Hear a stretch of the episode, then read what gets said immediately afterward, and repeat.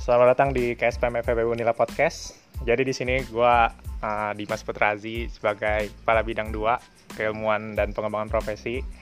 Uh, jadi uh, di sini KSPM kelompok studi pasar modal FEB Universitas Lampung punya purpose untuk buat podcast di mana podcast ini bisa berisi informasi terkait current economic issues especially about capital market. So ya jadi uh, ke depannya mungkin kita bakalan invite uh, expertise, lecture maupun speaker-speaker yang kredibel buat uh, ningkatin ilmu kita terkait dengan ekonomi. So ya, jadi di episode pertama ini kita kedatangan Pak Arif Darmawan nih, dosen muda FEB Universitas Lampung. Welcome to podcast Pak Arif. Selamat sore, Dimas. Terima kasih sudah mengundang saya di KSPM Podcast. Terima kasih. Jadi Pak Arif ini uh, sekarang dia sebagai dosen muda Fakultas Ekonomi dan Bisnis Universitas Lampung Departemen Ilmu Ekonomi Pembangunan. Kalau ngomongin background, kayaknya, waduh, ini bagus banget nih. Dia memperaih gelar Master of Arts di University Marmara di Turki untuk bidang ekonomi pembangunan dan pertumbuhan ekonomi dengan beasiswa penuh dari government Turki. Terus juga beliau pernah jadi peneliti utama Middle East Development Network di tahun 2015 sampai 2016. Selain itu juga Eh, nggak uh, kalah keren nih. Beliau ini mantan tenaga ahli Direktorat Perencanaan Makro dan Analisis Statistik Bapenas di tahun 2017 sampai 2019. Jadi uh, kita nggak salah undang nih. Kita kedatangan ekonom ternama. Nggak, itu itu ya alhamdulillah lah dapat banyak pengalaman dan pastinya sih saya percaya mahasiswa FEB terutama Dimas juga insya Allah bisa lah lebih daripada apa yang pernah saya capai sebelumnya. Amin. Amin amin. Ya, uh, ya jadi nggak usah lama-lama lagi ya. jadi kita bakalan ngomongin sesuatu yang lagi uh, happening banget, booming nih tentang COVID-19.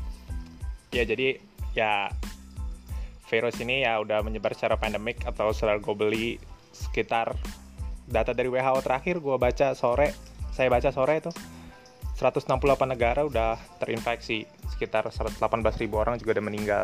Kalau Indonesia sendiri, terakhir report CNBC, 390 kasus baru juga udah uh, tersuspek dan sekitar 30 pasien dinyatakan sembuh dan 54 kasus meninggal. Jadi ya, ya the reason why gue buat podcast juga ngisi waktu luang saya. Gabut selain juga uh, apa ya ngerjain tugas online jadi kita pengen buat yang sesuatu yang produktif aja. Ya so gak usah lama-lama lagi. Uh, ngomongin COVID-19 kalau anak-anak kedokteran pasti mikir terkait lini kesehatannya efeknya COVID-19 tapi kayaknya kalau anak uh, ekonomi kayaknya enak nih kalau ngomongin uh, efek dari COVID-19 ke arah makro dan mikro baru-baru ini kan kita tahu nih efek makronya kayak rupiah dolar mendekati 17.000, IHSG juga terkoreksi di level 3,83 persen, bursa Asia juga merosot uh, lumayan drastis, dan juga uh, pelaku-pelaku UMKM di level mikro juga kena imbasnya seperti penghasilan yang turun akibat social distancing ini. So ya jadi uh, gimana nih pendapat Pak Arif terkait dengan uh, efek COVID-19 di level makro maupun mikro? Oke, okay, uh, eh, terima kasih Dimas atas per pertanyaannya dan juga kesempatannya. Jadi kalau misalkan teman-teman sekalian mungkin selama seminggu belakangan ini pasti sangat-sangat apa ya bersentuhan sekali dengan namanya isu ataupun terkait dengan virus COVID ini, terutama isu terkait virus COVID ini bagaimana kita harus sekarang stay at home, work at home, study at home dan sebagainya. Jadi kalau misalkan saya pribadi melihat dari kacamata ekonomi, baik itu mikro dan makro, memang kalau misalkan kita lihat bahwa penyebaran virus COVID ini sebenarnya sudah dimulai ataupun sudah berlangsung itu sebenarnya pada bulan November Desember yang lalu di Cina. Jadi kalau misalkan meminjam dari istilahnya kesehatan bahwa the first wave-nya itu memang dari Cina. Lalu second wave-nya itu muncul ketika bulan Januari sampai dengan Maret ini. Jadi kenapa isunya itu meledak di Jepang, di Korea, di Indonesia pun juga baru muncul ketika Presiden Jokowi mengumumkan pada awal Maret yang lalu terkait dengan dua orang yang terinfeksi dari virus COVID sendiri. Nah, Jadi kalau melihat dari kacamata ekonomi sendiri bahwa efek COVID ini ataupun uh, virus corona ini terhadap perekonomian kita tuh sungguh sangat uh, signifikan. Kenapa saya bilang seperti itu? Karena kalau misalkan kita lihat dari makronya sendiri, kita bisa melihat bahwa IHSG ataupun indeks harga saham gabungan di Indonesia itu turun mencapai level yang paling rendah di level 3000. Nah, hal ini kemungkinan besar disebabkan oleh capital outflow. Jadi banyak sekali investor, banyak sekali orang-orang yang bermain di pasar saham itu melepas sahamnya akibat dari koreksi yang begitu besar. Terus juga kita bisa melihat bahwa capital outflow yang tadi saya bilang di Indonesia sendiri itu luar biasa sekali. Banyak orang yang beralih investasinya karena melihat investasi saham itu sangat beresiko. Ya memang sih, kalau misalkan kita lihat dan kita pahami bahwa saham itu adalah investasi yang beresiko. Contohnya adalah ketika ketika melihat krisis di Amerika dulu tahun 2008 dan juga krisis Eropa, ketika Lehman Brothers itu hancur akibat dari bubble economics, itu kan juga akibat dari anjloknya pasar saham. Nah, jadi di sini karena pasar saham di Indonesia itu anjlok sampai ke level terendah di level 3000 pada minggu-minggu kemarin. Terus juga sempat dibuka lalu juga sempat ditutup juga karena terkoreksi cukup drastis. Oleh karena itu, banyak investor yang beralih untuk menginvestasikan uh, uangnya dari saham itu pindah ke instrumen lain yang tahan resiko, seperti contohnya emas. Jadi kalau misalkan kita lihat bahwa emas sendiri harganya sekarang melambung tinggi ya akibat terjadinya pembelian luar biasa dari banyak investor untuk mengamankan asetnya. Terus yang kedua, dari aspek makronya sendiri adalah terkait dengan valuta asing ataupun melemahnya rupiah terhadap dolar Amerika. Banyak orang yang mengkaitkan bahwa Indonesia bakal krisis nih, Indonesia bakal kena resesi nih kalau misalkan rupiah bisa menyentuh level terendahnya. Memang benar, di rupiah sendiri sekarang sudah menyentuh angka hampir 17.000 ya. ya hampir 17.000. Jadi kalau misalkan kita lihat bahwa ini adalah level terendah paling rendah yang pernah dicapai oleh rupiah terhadap dolar Amerika semenjak krisis 98. Seperti itu. Tapi kita belum bisa nih mengatakan bahwa ini Indonesia akan mencapai krisis atau enggak. Karena kalau misalkan kita lihat, ada beberapa indikator suatu negara itu bisa dikatakan terkena krisis. Salah satunya adalah bagaimana kita lihat pertumbuhan ekonominya itu merosot pada dua kuartal pada tahun yang bersamaan seperti itu. Jadi memang dampak dari corona ini tidak bisa kita anggap sepele melihat dari dua indikator itu. Yang pertama merosotnya indeks harga saham gabungan di Indonesia mencapai level yang paling rendah yang kedua adalah kurs valuta asing yang begitu terpuruk uh, terhadap dolar Amerika. Efeknya apa sih Pak? Kalau misalkan kita lihat terkait dengan memburuknya uh, harga saham dan juga rupiah, yang paling bisa kerasa adalah bagaimana barang-barang impor itu akan menjadi lebih mahal. Terus yang kedua adalah barang-barang industri ataupun barang-barang yang menggunakan komponen utamanya banyak dari bahan impor, tentu juga akan mengalami kenaikan harga. Karena kita lihat bahwa rupiah melemah luar biasa dibandingkan dolar. Jadi yang akan terpukul ataupun yang akan terkoreksi atau menerima dampak yang paling besar pertama kali mungkin kalau misalkan kita bisa katakan adalah barang impor dan juga barang-barang yang kandungan impornya cukup tinggi di Indonesia. Seperti itu. Nah, kalau dari segi mikronya sendiri, dampaknya seperti apa Pak terkait dengan COVID-19 ini? Jadi kalau misalkan kita lihat juga, sekarang anjuran ataupun imbauan pemerintah untuk stay at home, untuk work at home, itu akan membuat masyarakat akan lebih sedikit untuk menggunakan uangnya untuk konsumsi. Jadi nggak banyak orang pastinya untuk ke mall, untuk hangout, untuk makan di luar, untuk uh, rekreasi dan sebagainya karena mereka cenderung tinggal di rumah selama beberapa minggu. Otomatis aktivitas ekonomi nggak akan berjalan secara baik. Nah, ketika nggak banyak orang membeli barang atau nggak banyak orang berkonsumsi, otomatis itu akan berdampak sekali lagi kepada sektor real. Jadi kita bisa lihat banyak uh, industri, contohnya perhotelan, contohnya banyak industri pariwisata yang merumahkan karyawannya karena efek dari COVID-19 ini supaya mereka tidak mengalami cost yang besar akibat dari terbatasnya ataupun sedikitnya jumlah pengunjung dibandingkan dengan hari-hari biasanya. Jadi secara realnya atau secara mikronya sendiri dampaknya pun juga akan sangat dirasakan. Dan yang mungkin yang bisa kita lihat adalah kenaikan harga-harga komoditas impor. Contohnya adalah yang kemarin sudah banyak disinggung di berita-berita adalah terkait dengan bawang putih ya, putih, bawang, ya putih. bawang putih. Jadi memang bawang putih itu itu adalah komoditas yang banyak diimpor dari Cina.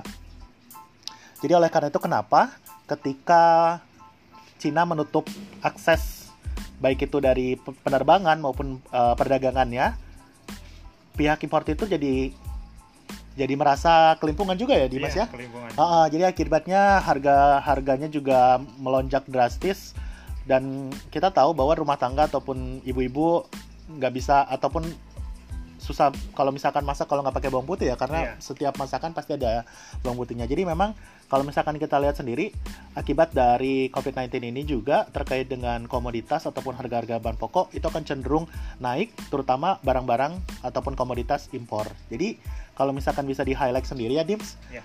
Dari makronya sendiri itu uh, terdampaknya luar biasa dari mikronya sendiri ataupun dari segi realnya jadi itu juga terdampak luar biasa. Jadi memang uh, kita baru baru satu minggu nih hampir 10 hari lah kita uh, work at home dan ini kemungkinan bakal berlanjut tapi saya nggak tahu ini gimana tapi memang dampaknya luar biasa sekali. Ya. Yeah. Uh, yeah. Pertanyaan pertama udah keren banget dijawab nih. Jadi kayak jadi kayak ya. kita ini apa ya maju ke maju kena mundur kena gitu pak ya. kayak uh, uh, kayak apa sih semua sendinya kena semua nih transmisinya udah bener-bener lumayan uh, efeknya si COVID-19 ini. So ya baru-baru ini kan ini Pak government juga udah coba untuk uh, handling COVID-19 ini kayak dia kalau dari sisi kesehatannya kayak dia menggalakkan social distancing atau kayak ngasih test kit ke zona-zona merah terutama kayak di daerah Jakarta buat ngecek orang itu positif or not. Terus juga untuk uh, pelaku usaha sendiri dan di pasar valuta asing Bank Indonesia juga udah mencoba untuk ngasih stimulus ke pelaku usaha seperti misalkan dia melakukan triple in, ya, intervention di pasar valuta asing, DNDF dan juga uh, Bank Indonesia juga mencoba untuk menurunkan suku bunga acuan hingga mencapai 4,25 persen. Nah, ada wacana nih Pak, kalau untuk uh, kaum kaum vulnerable nih, kalau laporan World Bank-nya nih kalau kelas-kelas vulnerable kayak toko-toko kelontong itu kan dia paling kena nih karena nggak dia mereka nggak bisa kan stay at home terus mereka nggak bisa dapat penghasilan dari stay at home. Nah jadi ada wacana buat nggulirin uh, bantuan langsung tunai atau cash transfer ya pak? Yep. kayak zamannya Pak SBY dulu. Jadi ya namanya juga policy kan pasti ada targeted timely temporary-nya. Jadi semua uh, wacananya sih uh, BLT ini diperuntukkan untuk kaum-kaum yang terkena efeknya lebih uh, berat dari efek uh, COVID ini. Gimana sih Pak? Uh, Bapak bisa jelasin nggak kayak apakah bantuan-bantuan uh, seperti ini perlu buat kayak pelaku-pelaku UMKM ataupun pelaku-pelaku apa orang-orang yang vulnerable terus juga mekanisme pemberian bantuan ini gimana sih Pak supaya tepat dan supaya supaya tetap sasaran dan nggak salah uh, apa ya nggak nggak salah nggak salah orang gitu kita ngasih bantuannya. Karena kan kita tahu sendiri budget kita udah limited kita mau ngasih ke orang salah sasaran kayaknya sayang banget. Itu gimana pak? Ya. Ya jadi melanjut uh, menin, uh, melanjutkan dari apa yang sudah saya sampaikan terkait dengan dampaknya. Nah, sekarang gimana sih caranya supaya pemerintah ataupun siapa pun bisa menanggulangi dampak supaya tidak terlalu dalam lagi lah. Jadi kalau misalkan diibaratkan ekonom World Bank itu bilang bahwa ini kurvanya itu seperti kurva V. Jadi dia akan akan seperti palung, akan dalam, tapi nanti se seiring dengan selesainya wabah dari virus COVID-19 ini, insya Allah sih bakal naik lagi gitu, bakal bakal uh, kembali normal. Jadi untuk terkait dengan pemerintah sendiri, ya memang pemerintah uh, berencana untuk memberikan bantuan langsung tunai kepada masyarakat di sektor informasi yang benar-benar terimbas dari wabah virus corona COVID-19 ini. Nah, di sini adalah kita bisa melihat dulu yang pertama dari kacamata ekonomi adalah kita bisa melihat kapasitas fiskal dari pemerintah sendiri dalam memberikan BLT. Saya sebenarnya setuju dari pandangan saya pribadi dan juga dari keilmuan saya bahwa seseorang yang bisa ataupun terdampak dari COVID-19 ini ketika dia diberikan subsidi ataupun insentif ataupun BLT ini dia akan bisa untuk menstimulus pengeluaran ataupun konsumsi dia untuk bisa ditingkatkan lagi baik itu secara pribadi maupun rumah tangga. Nah, tapi masalahnya kita harus lihat dulu nih kapasitas fiskal pemerintah itu seperti apa. Karena memang kita tahu ini kan masih di awal tahun nih. Terus juga um, sempat untuk laporan SPT juga sempat ditunda ataupun diperpanjang ya kan. Nah, terus juga kita bisa melihat lah terkait dengan uh, seberapa mampu dan seberapa banyak BLT ini bisa dikucurkan. Nah, jadi menurut saya sendiri pemerintah juga harus bisa menghitung kalkulasi terkait dengan kemampuan dari pemerintah untuk bisa mengalokasikan dana terkait dengan BLT. Tapi dari segi manfaat terutama terkait dengan isu kemanusiaan uh, virus corona COVID-19 ini, saya sangat setuju sekali ketika pemerintah bisa memberikan uh, insentif ataupun uh, bantuan langsung tunai kepada masyarakat. Nah, jadi uh, kalau misalkan kita melihat dari pengalaman negara-negara lain dengan pemberian bantuan dengan mekanisme social safety net ataupun jaring pengaman sosial, di sini saya sangat uh, apa ya sangat mengapresiasi sekali bagaimana pemerintah di luar itu bisa menjamin orang-orang yang terdampak sangat terdampak dari corona ini bisa mendapatkan ataupun bisa berkonsumsi lah secara normal kembali gitu. Nah, jadi aspek yang perlu dilihat adalah yang pertama kita harus lihat dulu atau mengklasifikasikan dulu sektor-sektor mana yang benar-benar terdampak oleh penyebaran virus COVID-19 uh, ini Misalkan contoh yang pertama adalah pariwisata. Nah, pariwisata itu UMKM di pariwisata itu kan pasti akan sangat berdampak sekali pertama kalinya. Kenapa? Karena kalau misalkan kita lihat dari data bahwa turis dari negara Cina itu adalah nomor dua terbesar setelah Australia. Nah, ketika penerbangan itu ditutup, otomatis gak ada dong ya turis yeah. yang akan uh, datang ke Indonesia uh. gitu kan. Nah, ketika mereka nggak datang, otomatis barang yang sudah mereka jajakan atau mereka sudah siapkan kan nggak bakal bisa kebeli gak gitu. iya. nggak laku dan sebagainya. Nah itu kan akan rugi ketika mereka nggak bisa jual barang-barang tersebut. Nah menurut saya itu itu juga patut untuk bisa diperhitungkan.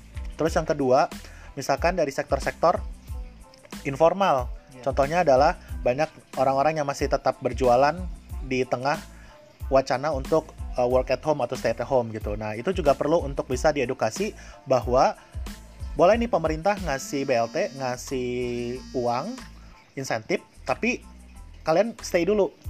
Kenapa? Karena kalau misalkan kita lihat yang tadi saya bilang klasifikasinya kalau misalkan di China itu first waiver, kalau kita second waiver, nah bedanya adalah di second waiver ini orang yang sehat, orang yang tidak punya gejala indikasi COVID-19 aja, dia bisa positif. Jadi ketika dia positif, tapi dia tidak merasakan gejala, terus dia beraktivitas secara normal, otomatis dia bakal menularkan uh, virus ini ke mana-mana dan dan gak bakal selesai gitu. Gimana kita mau menanggulangi virus ini kalau misalkan orang-orang yang uh, positif itu masih masih berkeliaran di luar dan melakukan aktivitas seperti itu. Jadi yang pertama itu yang dari pariwisata, yang kedua adalah orang-orang dari sektor informal boleh mereka diberikan BLT asal mereka stay dulu gitu loh. Jadi pemerintah akan ngasih kompensasi dari apa ya dari produksi mereka atau apa tapi please kalian kerja di rumah aja gitu atau minimal stay dulu lah 1 sampai dua minggu untuk uh, sampai virus ini sampai reda. Terus uh, yang ketiga mungkin kita bisa ngelihat sektor-sektor yang memang ataupun orang-orang yang kalau misalkan meminjam istilahnya Om Dede sih 30% terbawah 30% lah ya. Terbawah, 30% ya. terbawah itu sih yang benar-benar ibarat kata kalau misalkan ada shock sedikit di sana, dia langsung kan jatuh gitu loh. Nah, rentan banget rentan bener. Vulnerable kalau misalkan katanya Dimas. Jadi itu sih kalau misalkan saya bisa klasifikasi orang-orang yang bisa dapetin BLT itu seperti itu. Nah, jadi kalau misalkan saya balikin lagi terkait dengan pertanyaan yang disampaikan oleh Dimas, jadi yang pertama pemerintah harus bisa melihat dulu seberapa besar mereka bisa memberikan bantuan BLT terlihat dari alokasi fiskal, kapasitas fiskalnya seperti apa. Terus yang kedua, ketika mereka memberikan BLT, mereka harus tahu dulu kira-kira siapa yang bisa diberikan. Jadi nggak semua orang bisa dikasih BLT. Kenapa? Karena ya anggarannya terbatas. Saya yakin sih terbatas karena kita sekarang lagi concern untuk masalah kemanusiaan dulu, masalah kesehatan, penyediaan uh, apa namanya untuk medis. ya alat medis SPD dan sebagainya itu kan juga paling penting ya masker dan sebagainya. Apalagi sekarang dokter-dokter kita, perawat-perawat kita itu kan sebagai garda terdepan Ya. dan membutuhkan banget uh, alat-alat medis yang banyak sekali kurangnya. Nah, di situlah bagaimana caranya kita berusaha untuk untuk untuk bekerja sama gotong royong. Makanya kenapa balik lagi ya, Iya. Om Dede juga nggak bilang bahwa eh apa namanya kita harus crowdfunding nih Iya, gitu, harus gotong royong gitu. Karena lo running nya apa ya? iya, karena nggak cuman sekedar usaha tugas pemerintah aja, kalau misalkan masyarakatnya juga nggak mau ikut bantu. Makanya saya sangat mengapresiasi, mengapresiasi lagi banyak dari orang-orang baik di sekitar kita. Iya, pro- iya kan dari Iya. CEO Wardah kan Oh, oh. ngasih bantuan sampai 2 miliar apa 20 miliar. Miliaran. Iya, luar biasa banget lah. Jadi ya itu menurut saya sih terkait dengan eh, bagaimana pemerintah mengalokasikan dananya, anggarannya untuk BLT. Oke. Oke. Eh, menarik banget sih kayak udah kejawab kayaknya terkait dengan peran pemerintah sendiri untuk ngasih bantuan langsung tunai ke orang-orang yang dinilai membutuhkan. Terus juga tadi Pak Arief sedikit mention kayak peran-peran influencer, orang-orang yang bisa dibilang golongan-golongan atas Pak ya. Itu setidaknya ya di sinilah pahlawanan mereka itu dibutuhkan gitu Pak ya. Kayak entah mereka crowdfunding lewat kita bisa mengumpulkan dana, menyalurkan ke tenaga-tenaga medis itu menurut saya salah satu langkah yang baik banget. Nah, ini eh, selanjutnya pertanyaan selanjutnya nih kan ini bentar lagi kita bakal ada puasa sama lebaran Pak ya. Eh, ya kalau kayaknya kalau kita balik ke pengantar ekonomi mikro makro nih di buku si apa Menkeu atau apa Cash kayaknya kalau puasa itu kan apa ya permintaan kan bakalan melonjak pak ya. Karena kan kita kebutuhan kita makanan terus juga kebutuhan ntar juga ada ditambah mudik ya pak ya. Itu biasanya akan mengakibatkan demand pull inflation gitu. Nah itu menurut bapak gimana tuh pak? Kira-kira efek virus ini nih bisa sampai puasa atau lebaran ke depannya dan pasti kan bakalan bertambah pusing nih pemerintah kan. Udah virusnya belum selesai ditambah lebaran mudik lagi gitu atau puasa lagi. Nah itu gimana tuh pak? Efeknya gimana dan harusnya pemerintah menyikapinya seperti apa pak? Oke, iya benar. Jadi memang bentar lagi kita kan bakal masuk ke puasa ya bulan Puasa, puasa, terus iya. juga habis puasa habis itu lebaran kan. Sementara eh, kalau misalkan kita lihat dari statistik bahwa orang yang terinfeksi virus corona di Indonesia tuh makin hari semakin banyak ya kan. Tercatat kalau misalkan terakhir saya lihat hari ini sudah ada 790 orang yang terinfeksi dari virus Covid ini kan. Nah, memang sih itu jadi jadi perhatian banget karena apa? Karena fenomena mudik ini ya, fenomena mudik ini kan salah satu fenomena tahunan terbesar di Indonesia ya. Dan di situ pasti banyak orang dari ibu kota, dari kota-kota besar itu akan mudik akan pulang kampung, iya pulang kampung ke desanya masing-masing. Nah kita nggak tahu nih kalau misalkan mereka uh, negatif apa tuh ataupun positif dari COVID-19 ini, karena kan tadi saya bilang bahwa second waiver ini adalah orang-orang yang nggak kelihatan, iya nggak kelihatan. Jadi dia masih sehat, nggak ada gejala, tapi pas dicek ternyata dia punya positif. Nah masalahnya nanti ketika dia balik ke desanya ataupun ke kampungnya, terus dia melakukan rutinitas bersama keluarga dan sebagainya, bukannya iya. Ke- jadi bukannya malah malah mengurangi, takutnya malah makin banyak gitu kan, Menyebar. Ha, menyebar gitu. Jadi itu sih salah satu fenomena yang dikhawatirkan juga terkait dengan eh, mudik ini. Nah, memang memang pemerintah sih sekarang lagi diuji banget ya Iya. terkait dengan hal ini.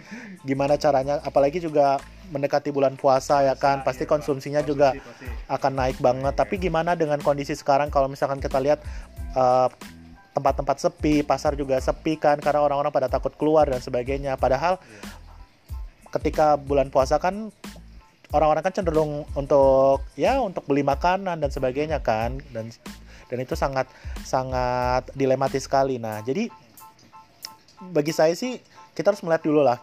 Saya juga nggak bisa memprediksi sampai kapan virus COVID-19 ini akan berakhir Benar. gitu. Jadi saya juga nggak bisa ngasih jawaban pasti sih ini sampai kapan dan dampaknya gimana. Tapi memang hal yang dikhawatirkan adalah ketika orang-orang dari ibu kota itu mudik pulang ke kampung halaman dengan kita nggak tahu dengan membawa virus ataupun terindikasi um, memiliki positif dan itu tidak terdeteksi, takutnya malah bukannya semakin rendah ataupun ditekan angkanya malah semakin banyak gitu. Dan itu malah menyebar di desa-desa atau di kampung-kampung gitu. Jadi uh, bagaimana sekarang kita berusaha untuk cobalah kita fokus dulu untuk iya.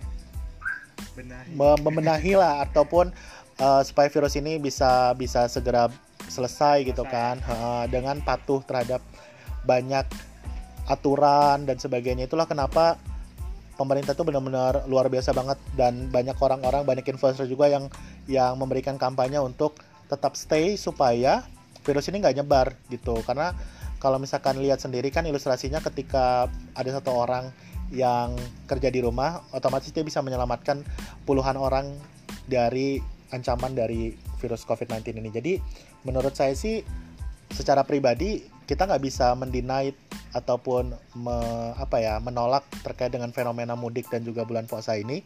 Tapi harapannya di waktu-waktu tersisa sekarang kita fokus stay fokus untuk bagaimana caranya virus ini bisa segera berakhir dan kehidupan bisa berjalan lebih normal gitu aja.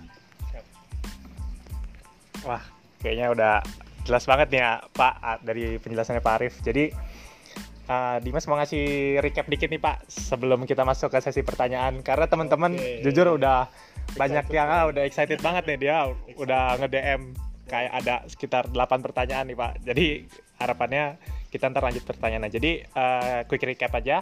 Tadi Pak Arif udah sempat nge-touch tentang efek di makro dan mikro di makronya kita ya bisa dilihat uh, rupiah nilai tukar kita rupiah terhadap dolar udah men, uh, mendekati 17.000 terus IHSG juga terkoreksi di level 3.000 di yang ya kita bisa disebabkan investor kan dia melihat uh, bisa sedikit panik ya Pak ya melihat kondisi pasar yang ketidakpastian pasar seperti ini jadi mereka lebih memilih berinvestasi di emas atau instrumen yang lebih aman lainnya terus juga uh, tadi Pak Arif sempat bilang kayaknya kalau ngomongin efeknya ke krisis atau resesi semoga jangan ya Pak ya.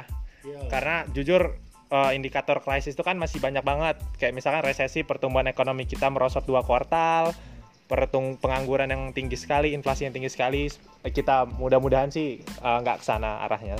Dan juga Pak Arif juga sempat ngetouch tadi uh, bantuan langsung tunai perlu ya pak ya Benar. tapi dilihat dulu kapasitas fiskal kita seperti apa karena jujur ya kita harus dealing with our limited budget.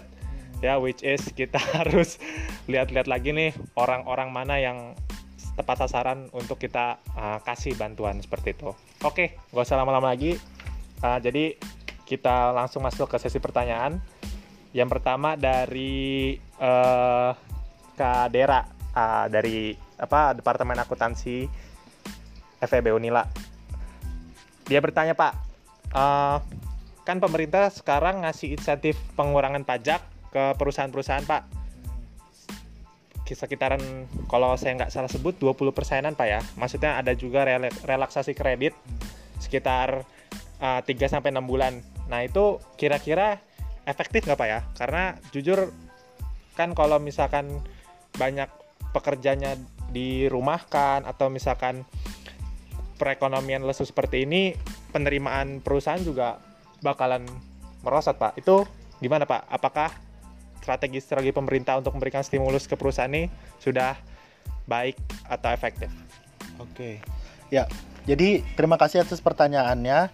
Jadi terkait dengan uh, insentif pajak menurut saya sih ini salah satu hal yang baik juga ya terkait dengan uh, bagaimana dampak ini mendera ataupun uh, mengakibatkan banyak sektor atau pelaku industri itu menjadi kewalahan dan merumahkan banyak karyawannya. Jadi dengan insentif pajak ini harapannya mereka bisa uh, apa ya mendapatkan kelonggaran mungkin ya dan juga relaksasi terkait dengan uh, pajak itu sendiri ataupun juga bisa terkait dengan uh, pembayaran pajak dan sebagainya. Menurut saya itu salah satu langkah yang konkret, langkah yang bagus, langkah nyata yang bagus untuk bisa memberikan ya kelonggaran balik lagi kepada industri akibat dari kondisi yang uh, tidak bisa diprediksi sekarang ini. Jadi harapannya adalah uh, pelaku usaha ataupun industri itu dengan adanya relaksasi pajak ataupun dengan insentif pajak ini harapannya bisa mereka melakukan readjustment lah terkait dengan uh, keuangan mereka, terkait dengan kondisi-kondisi sekarang dan bagaimana bisa mereka menyikapi selama beberapa minggu atau beberapa bulan ini. Harapannya adalah ketika situasi kembali normal dan sebagainya, mereka masih bisa beroperasi ataupun menjalankan usaha atau bisnisnya dengan baik lagi. Gitu. Wah, mencerahkan sekali jawabannya Pak. uh, ya oke okay, gitu. Uh, semoga itu menjawab pertanyaan dari Kadera tadi. Uh, selanjutnya dari uh, Raffi Atala nih.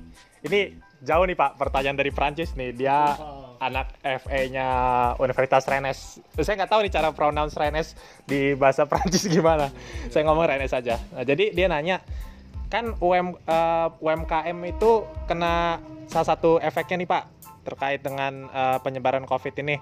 Nah itu gimana sih Pak peran government untuk nge-subsidize uh, pelaku-pelaku UMKM kita supaya mereka ini apa ya bisa survive lah di uh, penyebaran COVID-19 ini. Iya. Nah jadi uh, terkait dengan UMKM sendiri sih, kalau menurut saya hal yang bisa dilakukan adalah yang tadi balik lagi kepada pertanyaan dari Mbak Dera ya, ya. dari akuntansi itu adalah relaksasi pajak. Jadi uh, pemerintah dapat melakukan relaksasi untuk pajak pertama nilai misalkan PPN ataupun juga bisa merelaksasi PPh pasal 25 misalkan dari yang tadinya uh, 30% bisa dikurangin. Terus juga sektor-sektor yang terdampak langsung dari adanya COVID-19 ini juga mendapatkan insentif dari pemerintah, misalkan pelonggaran untuk alokasi kredit, terus juga bunga yang rendah, ataupun juga insentif insentif-insentif lain yang bisa diberikan oleh pemerintah, termasuk juga UMKM. Kalau untuk UMKM sendiri, mungkin bisa kita lihat uh, bahwa UMKM ini kan ibarat kata usaha yang memang hampir 90-95% itu uh, ada di Indonesia. Nah, ini kan pasti terdampak banget nih. Nah, bagaimana caranya? Ya salah satunya adalah bagaimana pemerintah bisa memberikan yaitu insentif baik itu dalam bentuk uh, penyaluran kredit, kredit yang lebih lunak ataupun penjadwalan dari uh, pembayaran agunan mereka itu misalkan bisa ditindaklanjuti misalkan harus jatuh tempo pada bulan ini bisa direlaksasi ataupun bisa di scheduling menjadi bulan uh, Desember ataupun tahun depan dan sebagainya. Terus juga terkait dengan pajak misalkan dari PPH dan PPN-nya misalkan yang tadinya mereka harus membayar pajak sekitar 20%, 25% bisa diturunkan menjadi hanya 10%, 15%. Lalu juga uh, bagaimana juga uh, tenaga kerjanya ataupun karyawan-karyawannya juga bisa diberikan uh, pesangon ataupun bisa dirumahkan asalkan mereka tetap digaji seperti itu. Jadi uh, menurut saya dari pemerintah sekarang sudah sangat-sangat berusaha sekali untuk bisa meredam efek dari COVID-19 ini terhadap UMKM dan juga pelaku usaha. Salah satunya tadi instrumennya adalah terkait dengan fiskal, kebijakan fiskal dari pemerintah. Hal-hal lain yang bisa dilakukan adalah ya tadi bagaimana masyarakat, eh sorry, pemerintah bisa ya, melakukan himbauan-himbauan kepada pelaku usaha untuk setidaknya uh, karyawannya itu untuk bekerja di rumah seperti itu untuk me mengurangi dampak penyebaran dari COVID-19 ini seperti itu. Terus juga bagaimana juga uh, pemerintah bisa bisa banyak memberikan insentif kepada karyawan ataupun kepada industri-industri supaya ayo dong karyawannya jangan uh, dipaksa untuk benar, kerja benar, benar, benar. Uh, kerja di kantor atau seperti apa gitu. Pemerintah kan juga berusaha nge-push dengan cara uh, Contoh misalkan waktu itu sempat diprotes terkait dengan uh, pengurangan jam dari industri apa sorry bukan industri uh, transportasi, transportasi. Uh, KRL dan sebagainya MRT. Eh bukannya malah tambah tambah sepi ya malah tambah ramai gara-gara ya. malah menumpuk kan di stasiun-stasiun. Jadi akhirnya kembali ke jam normal lagi. Nah, itu sebenarnya sih langkah upaya pemerintah sih bagaimana bisa uh, berusaha menanggulangi dampak ini terutama untuk sektor-sektor usaha maupun uh, untuk karyawan-karyawannya sendiri terkait dengan uh, relaksasi tadi yaitu itu adalah salah satu peran pemerintah juga untuk bisa melakukan kelonggaran lah, memberikan banyak kelonggaran, memberikan banyak insentif kepada pelaku usaha agar mereka bisa uh, merealokasi dan juga setidaknya mengurangi kerugian yang besar akibat dari uh, demand yang yang yang kecil yang sedikit ini. Ya itu tadi udah dijawab uh, sama Pak Arif Semoga mencerahkan sampai Prancis Pak ya. Prancis ya. Terima kasih loh pertanyaan. Terima kasih sudah Prancis. Excited ya sampai Prancis ke Unila gitu Pak ya dari Prancis ya. Hmm, salam kenal ya uh, perhimpunan. Uh, ya. Selanjutnya uh, pertanyaan dari ini Pak Askori ini. Askori. Oh, Oyi, Oyi. Nah, Oyi dari uh, manajemen FEB Unila. Dia nanya nih Pak, kan kalau kata Pak Dede kayaknya kita harus nyelesain COVID-nya dulu baru hal-hal lainnya nih Pak. Jadi kita memang yang harus fokus ke ranah-ranah kesehatan dulu, misalkan kayak pengadaan alat medis dan semacamnya. Nah, pertanyaan dia, apakah kalau berbicara anggaran nih Pak, kita harus fokus dulu mengalokasikan mayoritas anggaran kita ke kesehatan, atau kita bisa apa ya mengalokasikan secara merata ke ekonomi juga gitu. Jadi pertanyaan dia nih anggaran kita ini fokus kesehatan dulu apa harus dua-duanya sama-sama fokus ekonomi dan kesehatan gitu pak. Okay. menurut bapak gimana? Oh, oke. Okay. Lumayan ya agak uh, such a good questions and a difficult ones. Jadi terkait dengan apa kalau harus memilih kira-kira kita harus mentingin kesehatan dulu apa ekonomi dulu? Jadi ibarat kata mentingin orang sakit dulu apa orang lagi kelaparan dulu? Benar, gitu sih. Kalau misalnya sih dua-duanya. Dua-duanya. Kenapa? Karena uh, orang sakit dia punya hak untuk hidup. Ya orang sakit punya hak untuk sembuh dan orang kelaparan juga punya hak untuk hidup. Dan kita nggak bisa dong uh, apa ya namanya me mengkat iya mengkat gitu ataupun ya. tidak mementingkan kedua kondisi tersebut karena masing-masing juga ketika orang sakit bisa sembuh kemungkinan besar kan pasti misalkan dia kepala keluarga ataupun dia yang menjadi uh, ya semacam pemberi nafkahnya kepada keluarganya kan itu juga akan akan punya dampak yang positif. Terus juga kalau misalkan orang yang kelaparan ketika dia dikasih makan dikasih energi dan sebagainya otomatis kan dia bisa berproduksi dan produktivitasnya juga bakal nambah. Jadi kalau misalkan kita lihat di sini dua-duanya harus berjalan seiringan sih. Efeknya adalah uh, bukannya substitusi malah komplementer sih kalau dari saya. Ya? hmm. dari saya komplementer. Kenapa?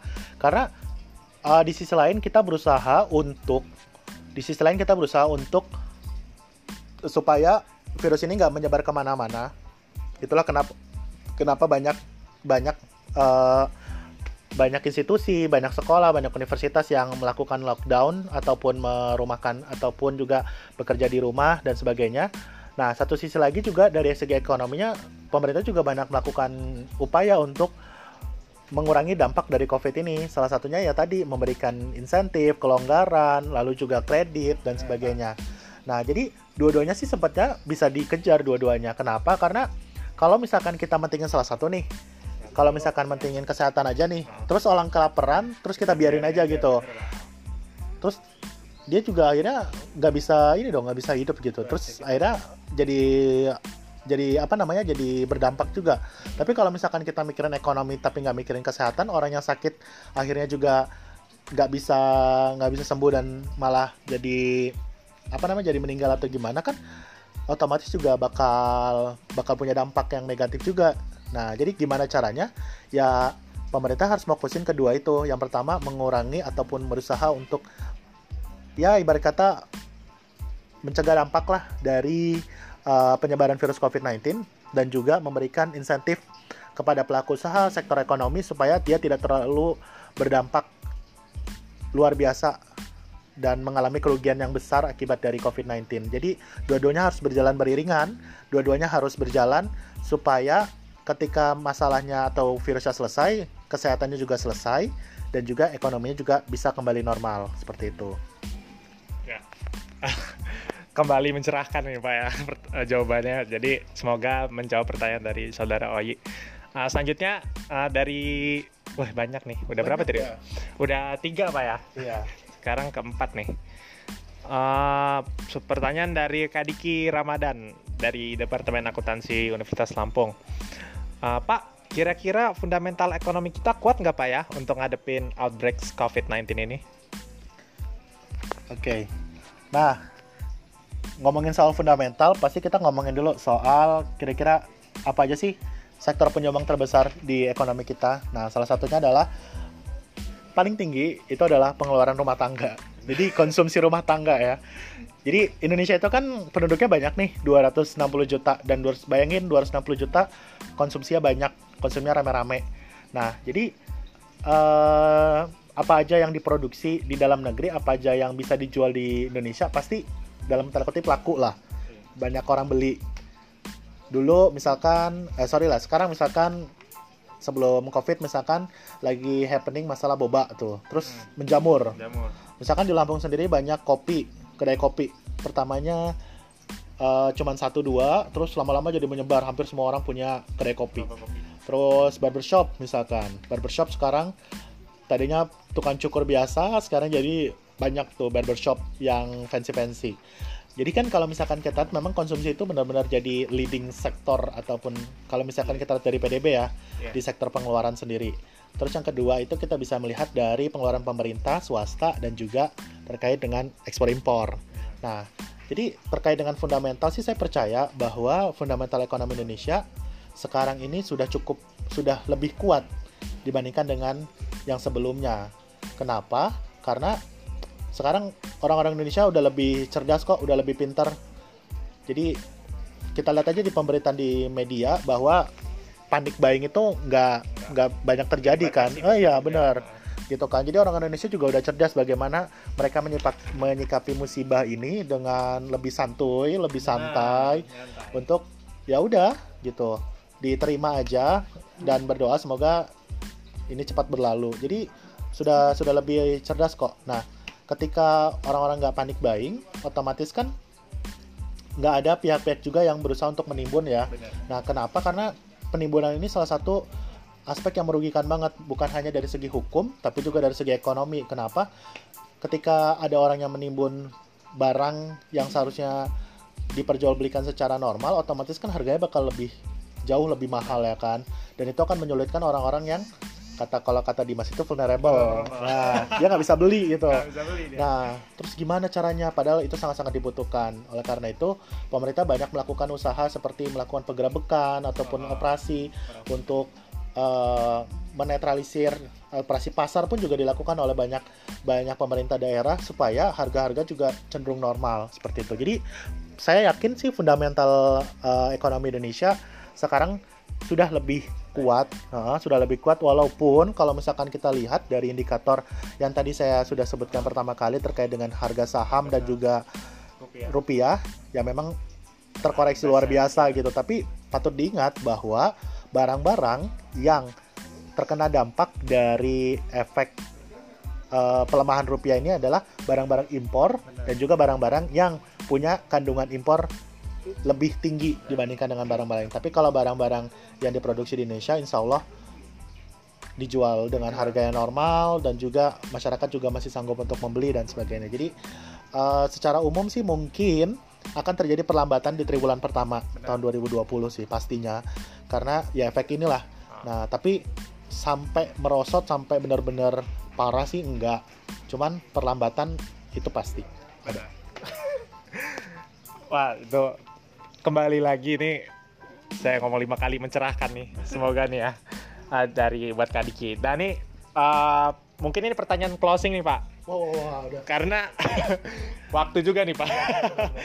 Mau uh, azan maghrib. Jadi pertanyaan closing gimana sih Pak caranya biar gak gabut dan tetap produktif selama masa karantina Pak? Selain ngerjain tugas online Salah satunya ini, dengerin podcast KSPM. Salah satunya dengerin podcast KSPM sih. Nah, cara ini agak agak agak beda ya yeah. pertanyaannya ya. Jadi ini kan bukan soal, bukan soal ekonomi, ekonomi ya. nih ya, lebih kepada pasti yang nanya mahasiswa. Mahasiswa. Iya. nah, gimana caranya supaya tetap produktif uh, selama masa selama masa apa ya kayak karantina karantina ya karantina supaya kita tetap stay di rumah yang pertama sih uh, setiap setiap hari ataupun ibarat kata kalian punya target-target yang kalian ingin penuhi lah.